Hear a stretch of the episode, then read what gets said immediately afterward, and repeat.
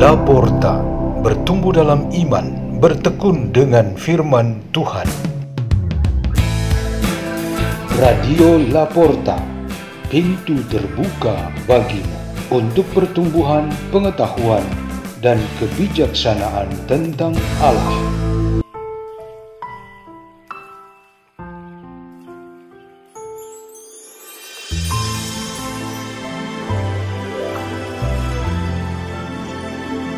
Bacaan dan Renungan Sabda Tuhan Hari Jumat Pekan ke-6 Masa Paskah 19 Mei 2023 Dibawakan oleh Wilson Ang dari Paroki Kristus Raja Andalas Makassar Keuskupan Agung Makassar, Indonesia.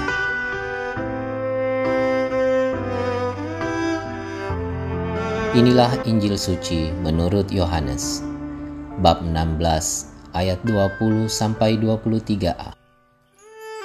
Dalam amanat perpisahannya, Yesus berkata kepada murid-muridnya, Aku berkata kepadamu, sesungguhnya kamu akan menangis dan meratap, tetapi dunia akan bergembira. Kamu akan berduka cita, tetapi duka citamu akan berubah menjadi sukacita. Seorang perempuan berduka cita pada saat ia melahirkan, tetapi sesudah ia melahirkan anaknya, ia tidak ingat lagi akan penderitaannya, karena kegembiraan bahwa seorang manusia telah dilahirkan ke dunia. Demikian juga kamu sekarang diliputi duka cita, tetapi aku akan melihat kamu lagi, dan hatimu akan bergembira, dan tidak ada seorang pun yang dapat merampas kegembiraanmu itu daripadamu. Dan pada hari itu, kamu tidak akan menanyakan apa-apa kepadaku. Demikianlah sabda Tuhan.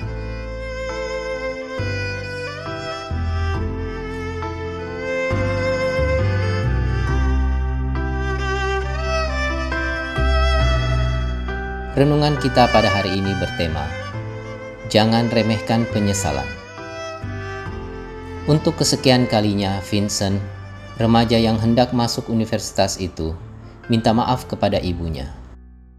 Maafkan aku, Mama. Saya sangat menyesali perbuatan saya.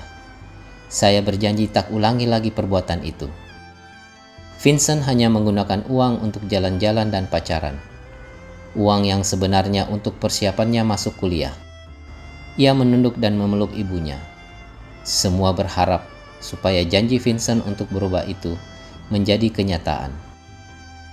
Tetapi setiap janji kita untuk berubah dari kesalahan atau dosa akan terwujud seperti yang diharapkan harus melalui penyesalan.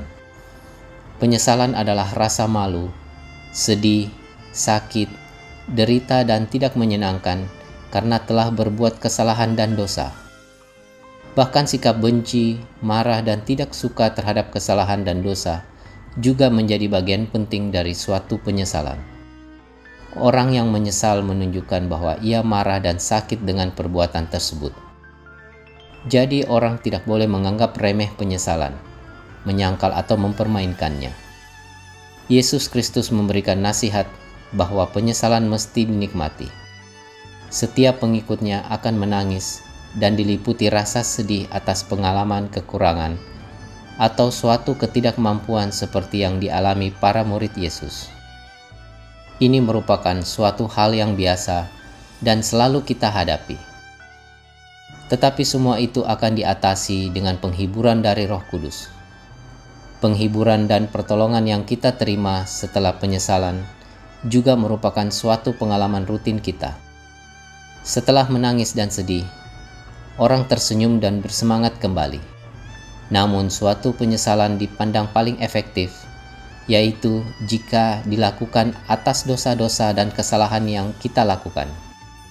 Bayangkan saja, ada sebuah kesalahan yang dilakukan, lalu yang bersangkutan mau bertobat, memperbaiki diri, tetapi tidak mau menyesali perbuatannya.